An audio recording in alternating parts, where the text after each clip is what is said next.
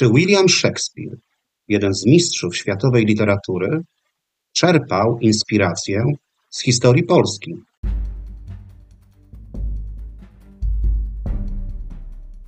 Ryszard Kapuściński powiedział: Wszak istnieje coś takiego jak zarażenie podróżą i jest to rodzaj choroby w gruncie rzeczy nieuleczalnej. Będzie to podcast o podróżach do miejsc niedalekich, o bogatej historii Polski i regionu, o miejscach osiągalnych dla każdego i o moich przemyśleniach w historycznych miejscach. Zapraszam. Marcin.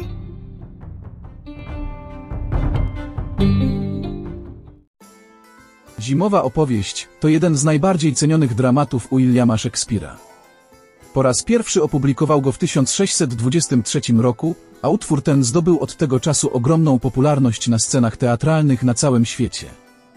Akcja sztuki rozgrywa się na Sycylii i skupia się na losach głównego bohatera, króla Leontesa, którego dręczą obsesyjne obawy dotyczące lojalności jego żony. Zazdrość popycha Leontesa do niebezpiecznych działań, takich jak planowanie zabójstwa swojego najlepszego przyjaciela, uwięzienie ukochanej królowej i wyparcie się własnego nowonarodzonego dziecka. Akcja sztuki rozwija się przez 16 długich lat, w trakcie których Leontes stopniowo dojrzewa i zaczyna refleksję nad własnymi błędami. Ostatecznie bohater zdaje sobie sprawę z absurdalności swoich decyzji i rozpoczyna proces pojednania. W miarę upływu lat Leontes doświadcza wielu trudnych sytuacji, co sprawia, że zaczyna rozumieć konsekwencje swoich działań. Jego serce łagodnieje, gdy zdaje sobie sprawę z niewinności żony i córki, które zraził. Sztuka osiąga punkt kulminacyjny, gdy Leontes podejmuje wysiłki naprawcze, mające na celu zadośćuczynienie za wyrządzone krzywdy. Ostatecznie udaje mu się odzyskać stracone relacje z rodziną, co stanowi główny motyw pojednania i zwycięstwa dobra nad złem. Mało kto wie, że szekspirowski dramat mógł być zainspirowany wydarzeniami, które miały miejsce w dzisiejszej Polsce. W XV wieku książę mazowiecki Siemowit III udusił swoją piękną żonę z zazdrości, a Szekspir wykorzystał tę dramatyczną historię. Najistotniejszym elementem zrekonstruowanych ruin zamku w Rawie Mazowieckiej jest ośmioboczna wieża, o której za chwilę opowiem. To w tym miejscu rozegrała się tragedia pięknej żony księcia Siemowita. Na podstawie artykułu pod tytułem Jak Szekspir ukradł historię Polakowi z portalu Focus Historia postaram się o tym dziś opowiedzieć. Siemowit III, panujący w latach 1320-1381, piastowski książę, którego postać była istotna dla stworzenia szekspirowskiej zimowej opowieści, cieszył się renomą jednego z najwybitniejszych władców Mazowsza. Utrzymywał dobre stosunki z królem Polski Kazimierzem oraz wydał swoją córkę za mąż za Kaśka Słupskiego, usynowionego królewskiego wnuka, który na chwilę nawet był kandydatem do tronu polskiego. Siemowit III był opisywany jako władca mądry i zacny rządca, jednak zarazem mąż surowy, popędliwy, skłonny do podejrzeń. To właśnie on stał się w latach 60. XIV wieku sprawcą tragedii, która wywołała rezonans w całej Europie. Miejscem tego dramatycznego wydarzenia był prawdopodobnie zamek w Rawie Mazowieckiej, zbudowany za panowania Sielmowita III, a konkretnie zachowana do dziś, wspomniana wcześniej, ośmioboczna wieża zamkowa. Książę zawarł dwa związki małżeńskie. Z pierwszego związku z Eufemią, córką księcia opatowskiego Mikołaja II i jego pierwszej żony Anny Raciborskiej, narodziło się pięcioro dzieci. Spośród nich Janusz i Siemowit wspólnie później sprawowali rządy w księstwie. Siemowit IV nawet konkurował z Jagiełłą o rękę królowej Jadwigi Andegaweńskiej. Według kroniki Janka z Czarnkowa po śmierci pierwszej żony władca poślubił córkę księcia ziembickiego Ludmiłę. Księstwo ziembickie było wówczas jednym z księstewek na Śląsku. Siemowit III poznał dziewiętnastoletnią księżniczkę, gdy przebywał na dworze cesarza niemieckiego Karola IV. Kronikarz pisze, że władca rozmiłował się w niej aż do zbytku i zazdrości. A ślub odbył się w 1357 roku. Ludmiła urodziła Siemowitowi dwóch synów, lecz niestety obaj zmarli w dzieciństwie. Gdy ponownie była w ciąży, siostra księcia, Eufemia, oraz jej syn, książę cieszyński Przemysław I, oskarżyli ją o zdradę małżeńską. Twierdzili, że jej kochankiem był dworzanin Dobek. Siemowit uwierzył w te oskarżenia, uwięził żonę w wieży Rawskiego zamku i wszczął śledztwo. Poddano torturom zaufaną dwórkę księżnej, lecz jej zeznania nie obciążyły Ludmiły. Książę jednak pozostawał w swoich podejrzeniach. W 1356 roku, kilka tygodni po narodzinach syna o imieniu Henryk, rozkazał udusić Ludmiłę. Kochanek zdołał uciec, opuszczając Płock i udając się w pielgrzymkę do Ziemi Świętej. Przy tym napisał list wyjaśniający okoliczności swojego wyjazdu. Po kilku latach sługom Siemowita udało się schwytać byłego dworanina. Książę kazał go umieścić w Prusach, co musiało się odbyć w porozumieniu z krzyżakami, a następnie torturować i ostatecznie powiesić. Wkrótce po tych wydarzeniach o spotkanie z księciem zabiegał nieznajomy Franciszkanin. Zakonnik zapewniał, że księżna była niewinna, a pewien człowiek, który mu zdradził to podczas spowiedzi tuż przed śmiercią, nie wiadomo kim był. Słów duchownego, ujawniającego przy tym tajemnicę spowiedzi, nie dało się zignorować. Część rodziny również nie podzielała przekonania o winie Ludmiły. Mały Henryk został zaraz po urodzeniu oddany przypadkowej kobiecie mieszkającej pod Rawą Mazowiecką. Jednak w 1369 roku córka Siemowita z pierwszego małżeństwa, Małgorzata, wysłała dwóch rycerzy, którzy w nocy uprowadzili dziecko. Księżna umieściła chłopca na dworze męża, Kaśka w Słupsku. Wychowała przyrodniego brata stosownie do stanu rycerskiego. Gdy chłopiec nieco podrósł, wysłała go na dwór ojca. Siemowit, przekonany podobieństwem Henryka, uznał go za potomka, otoczył staranną opieką i polecił kształcić. Przeznaczył go do stanu duchownego, a w 1379 roku obdarzył tytułem przewodniczącego kapituły katedralnej w Płocku. Sam do końca życia ponoć żałował swej zbrodni i nakazał odprawienie mszy żałobnych za zamordowaną żonę. Trzeba tu powiedzieć, że dla Janka z Czarnkowa Siemowit III zaliczał się do jego politycznych wrogów, więc trudno powiedzieć, czy zrelacjonował te wydarzenia rzetelnie. Niemniej jednak historia z Zamku Rawskiego rozniosła się poza granicę kraju. Paweł Jasienica w Polsce Piastów bardzo zwięźle opisuje tę historię. Owdowiawszy, ożenił się powtórnie ze słynną z urody księżniczką Pląską Ludmiłą, którą bardzo kochał. Ktoś jednak puścił po kraju plotkę o rzekomej niewierności księżnej. Siemowit dowiedział się o tym, kazał uwięzić brzemienną żonę w Zamku Rawskim i w kilka miesięcy po urodzeniu syna udusić. Synu swego podobno żałował i do śmierci odprawiał pokuty. Jednego z domniemanych uwozicieli schwytał, włóczył końmi i powiesił. Dziecko imieniem Henryk chowało się u nianki na wsi pod Rawą. Pewnej nocy porwało go dwóch nieznanych jeźdźców. Henryk został biskupem płockim i robił karierę jako duchowny dyplomata. Jego sukcesem było pogodzenie Władysława Jagiełły i jego stryjecznego brata, księcia Witolda, który przebywał na wygnaniu krzyżaków. Tam miał poznać siostrę Witolda, Ryngalę, którą poślubił, mimo że był stanu duchownego. Szczęście nie trwało długo, bowiem po niecałym roku nagle zmarł. Mówiono, że został otruty przez żonę. Co ciekawe, Henryk także trafił do literatury, bo o nim, biskupie płockim, opowiada Maćko z Bogdańca w Tyńcu w gospodzie pod Lutym Turem, Krzyżakach Henryka Sienkiewicza. Im był Siemowit. Po tej całej legendarnej historii warto pokazać krótki rys historyczny tej postaci. Siemowit III, drugi syn księcia mazowieckiego Trojdena i Marii, córki władcy Halicza Jerzego I, pojawia się w źródłach pisanych po raz pierwszy w 1341 roku, gdy wraz z młodszym bratem Kazimierzem odziedziczył księstwo czerskie po zmarłym ojcu. Po czterech latach Siemowit III i Kazimierz zdobyli również kontrolę nad Rawą Mazowiecką po bezpotomnej śmierci stryja Siemowita II. W okolicach 1349 roku bracia dokonali podziału ojcowizny, gdzie Siemowit został księciem w Czersku, Rawie i Liwie, a Kazimierz otrzymał środkową część Mazowsza z niewielką wówczas Warszawą. Pierwsze lata samodzielnych rządów Siemowita były czasem równoważenia wpływów sąsiednich potęg, takich jak Krzyżacy, Polska Kazimierza Wielkiego i Czeszchy Luksemburgu.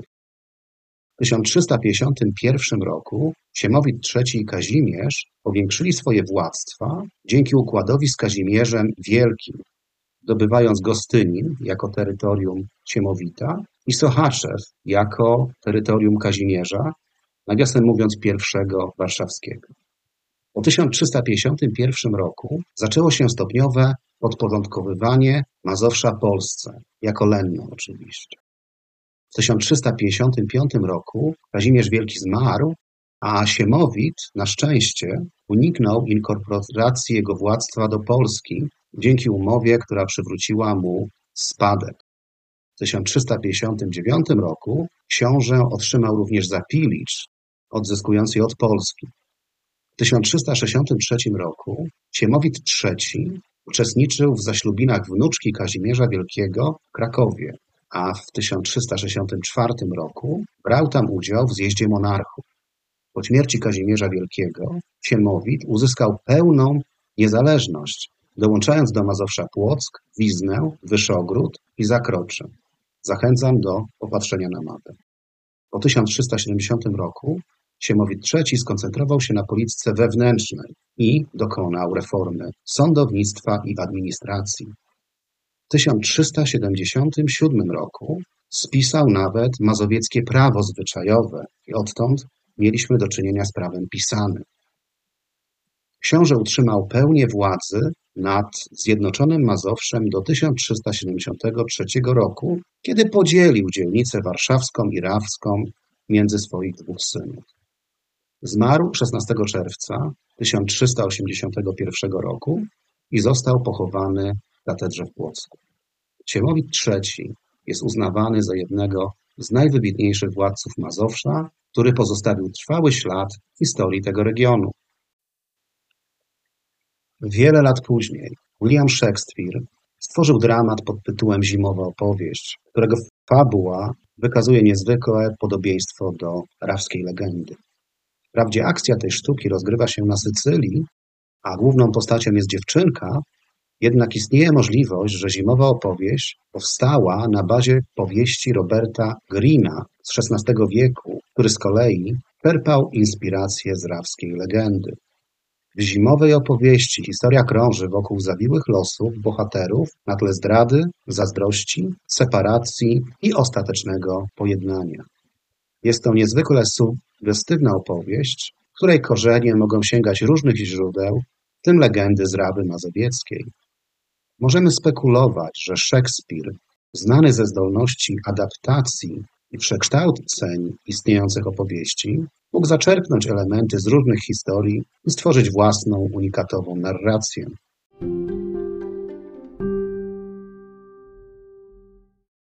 Abstrahując od historii z zimowej opowieści, chciałbym poruszyć temat architektury gotyckiej na Mazowszu i mam nadzieję, że będę miał kilkakrotnie okazję wrócić do tego zagadnienia. Przez długi czas Księstwo Mazowieckie pozostawało w cieniu historii pod względem rozwoju architektonicznego. W okolicach Płocka, gdzie zachowały się lub można udowodnić istnienie niektórych budowli romańskich, praktycznie nie było świadectw kamiennej kultury z pozostałych części księstwa przed późnym średniowieczem. Dopiero w drugiej połowie XIV wieku i na początku XV wieku budownictwo z cegły zaczęło stopniowo się rozwijać. Jednak początkowo skupiało się na budowie głównie zamków książęcych, takich jak Płock, Persk, Warszawa, Ciechanów czy Liw oraz rozwijające się stolicy Warszawy ze swoim kościołem kolegiackim i parafialnym świętego Jana na Starym Mieście. Dopiero od połowy XV wieku w miasteczkach i na wsi zaczęto zastępować niektóre drewniane kościoły budowlami z cegły. Niemniej jednak liczba budynków kamiennych w XV wieku pozostawała stosunkowo niska. Szczyt późnogotyckiego rozwoju budowlanego Mazowsza przypadł na połowę XVI wieku. Jednak nawet pod koniec tego okresu dominującym elementem w kościołach parafialnych nadal był jednoznacznie drewniany charakter. Czy istnieją konkretne powody, dla których na Mazowszu zachowało się stosunkowo mało zabytków w stylu gotyckim czy romańskim w porównaniu do innych regionów? Uwarunkowania polityczne i gospodarcze były przyczyną opóźnienia rozwoju Mazowsza.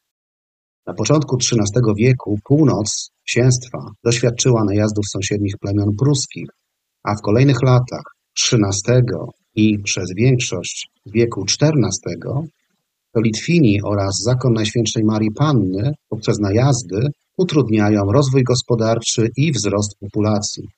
Mazowsze pozostało słabo zaludnionym i gospodarczo zacofanym obszarem, zasadniczo odizolowanym od gospodarczo-politycznego rozkwitu tej części Europy w XIV wieku.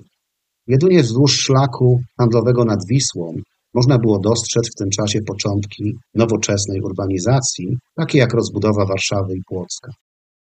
Zakończenie walk z Litwą po Unii Polsko-Litewskiej w 1386 roku oraz udział lennika Królestwa Polskiego w zwycięskich wojnach przeciwko zakonowi od 1410 roku oswobodziły kraj od zewnętrznego ucisku i umożliwiły mazowieckim książętom rozpoczęcie polityki osadniczej i rozwojowej. Więc gotyk na Mazowszu uwarunkowany jest politycznym i gospodarczym opóźnieniem. Jeden z gotyckich zabytków znajdziemy w Rawie Mazowieckiej i to jest dzisiaj nasze miejsce nieoczywiste.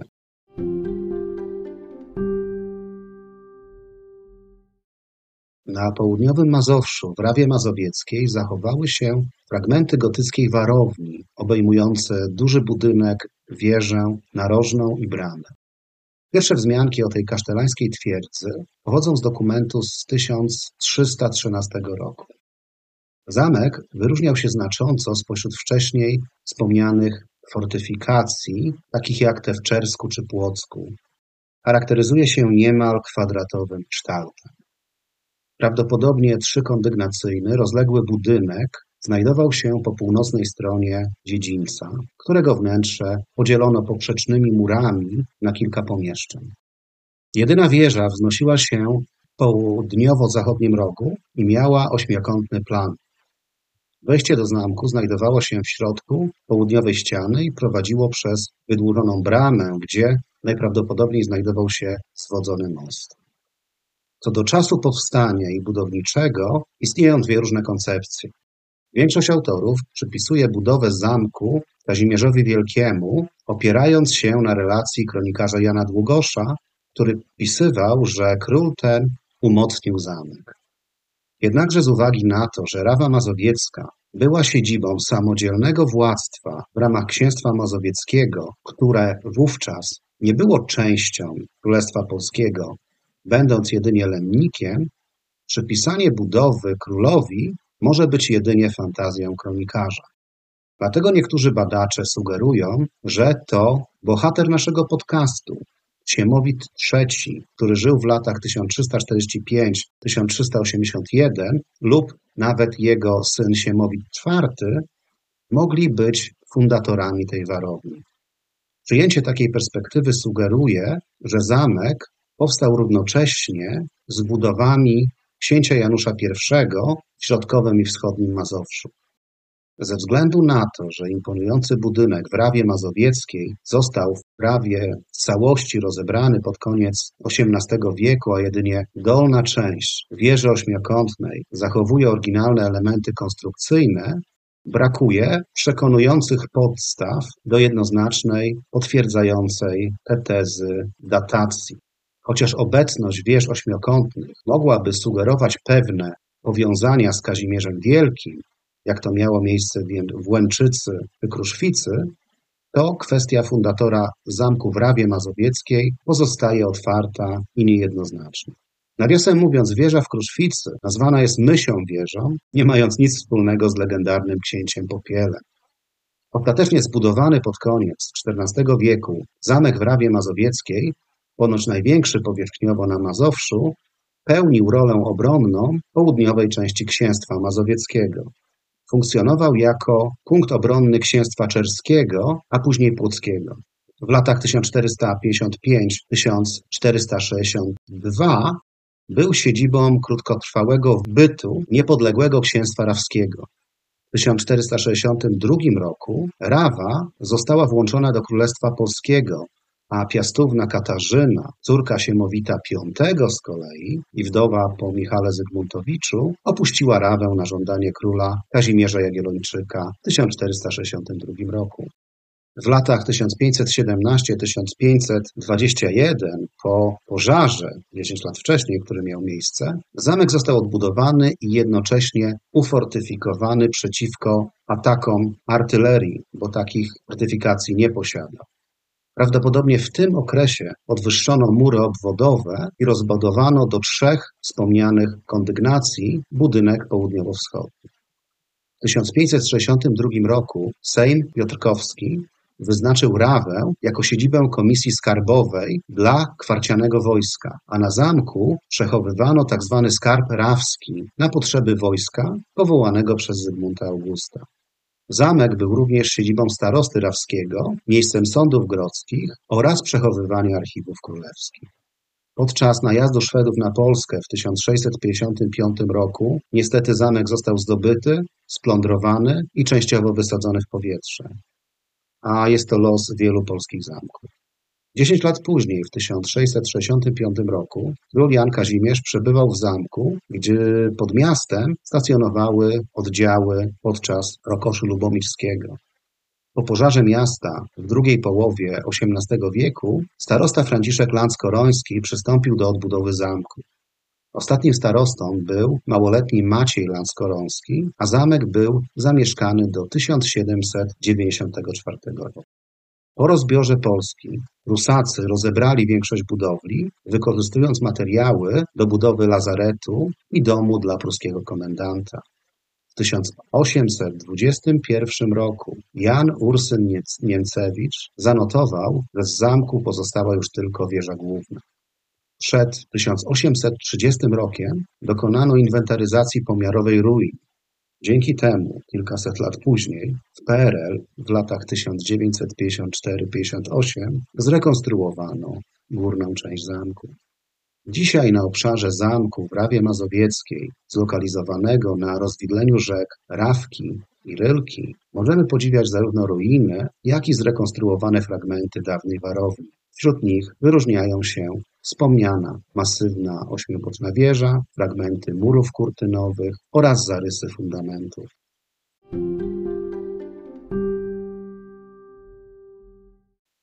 Z tym mazowieckim zamkiem wiąże się nie tylko legenda o żonie Siemowita III. Jest jeszcze diabeł, którego nie umieściłem w moim podcaście o polskich diabłach. Zachęcam słuchaczy do wysłuchania w zamku w Rawie Mazowieckiej kiedyś żył diabeł Merdasiński, będący potomkiem kasztelanki sandomierskiej i wpływowego dostojnika z Królestwa Piekielnego. Jego uroda wprawiała w zdumienie wszystkie diablice w piekle, które kochały się w nim z pasją. Z tego powodu Lucyfer miał sporo kłopotów. Często wybuchały kłótnie i bójki między diablicami, które zazdrościły sobie wzajemnie. W pewnym momencie Lucyfer wezwał go przed tron i oznajmił. Wiesz co, Medasiu, idź lepiej na ziemię. To piekło będzie miało mniej kłopotów. Jesteś diabłem uczonym, więc na pewno znajdziesz dobrą pracę wśród mornowładców. Merdasiński bez sprzeciwu zabrał ze sobą wszystkie swoje księgi uczonych i zgodnie z poleceniem Lucyfera udał się na ziemię. Zamieszkał na Mazowszu, niedaleko posiadłości swojej matki i natychmiast zabrał się do pracy. Postanowił stworzyć diabelski kalendarz, bo wszyscy święci mieli swój, a czarty jeszcze nie. Solidny nad nim pracował, dodając do niego coraz więcej imion diabelskich, uporządkowanych według starszeństwa i rangi, przypisując je do odpowiednich dat. Merdasiński, będąc skłonny do romantycznych związków, zakochał się w pięknej wdowie z Żydaczkowa Rawskiego. Ona zaś, zafascynowana jego uczuciem, zaczęła go zwodzić. Gdy zauważyła, że diabeł zaniedbuje ją dla swoich ksiąg, wywołała awanturę, wyrządzając te księgi z zamku prosto do rzeki. Merdasiński, widząc zagrożenie dla swojego dzieła, wybiegł za księgami i w ostatniej chwili je uratował, a obawiając się, że nie zdoła wrócić z nimi do zamku, ukrył je pod starą wierzbą przy drodze prowadzącej do Ludaczkowa. Jak to diabeł? Miał słabość do wierzb. Pewnego dnia, idący tą drogą, Kacper Ciepka zauważył, że ziemia jest niby trochę spulchniona pod wierzbą. Przypuszczał, że ktoś ukrył tam skarb, więc zaczął pospiesznie go rozkopywać. Odkrył worek, ale zamiast oczekiwanych pieniędzy znalazł jedynie jakieś papierki, a czytać nie umiał. Zdenerwowany wrzucił je do nurtu rzeki, mijając kładkę. W pewnym czasie kobieta porzuciła Merdasińskiego, a on zrozpaczony przypomniał sobie o swoim nieukończonym kalendarzu. Jednak na próżno go szukał pod wierzbą i w innych miejscach.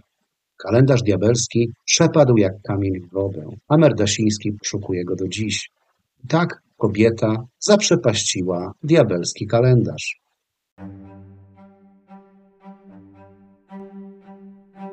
W dzisiejszym odcinku podcastu pokazałem powiązanie pomiędzy opowieścią zimową Szekspira a historią Siemowita III, drugiego syna księcia mazowieckiego Trojdena. Widzimy, że dramat Szekspira, choć osadzony na Sycylii, ma niewątpliwie podobieństwa do losów mazowieckiego księcia i jego syna Henryka. Opowiedziałem także o zapomnianym zamku w Rawie Mazowieckiej.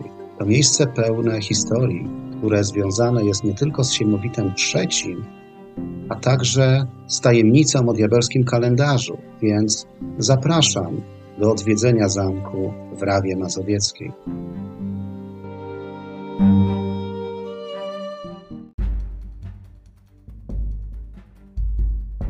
Dziękuję za wysłuchanie dzisiejszego podcastu. Czekam na uwagi o tym odcinku na Facebooku i Instagramie. Możecie także ocenić ten podcast w serwisach Spotify, Apple czy Player FM. Wasze pozytywne oceny ułatwią dotarcie do kolejnych słuchaczy.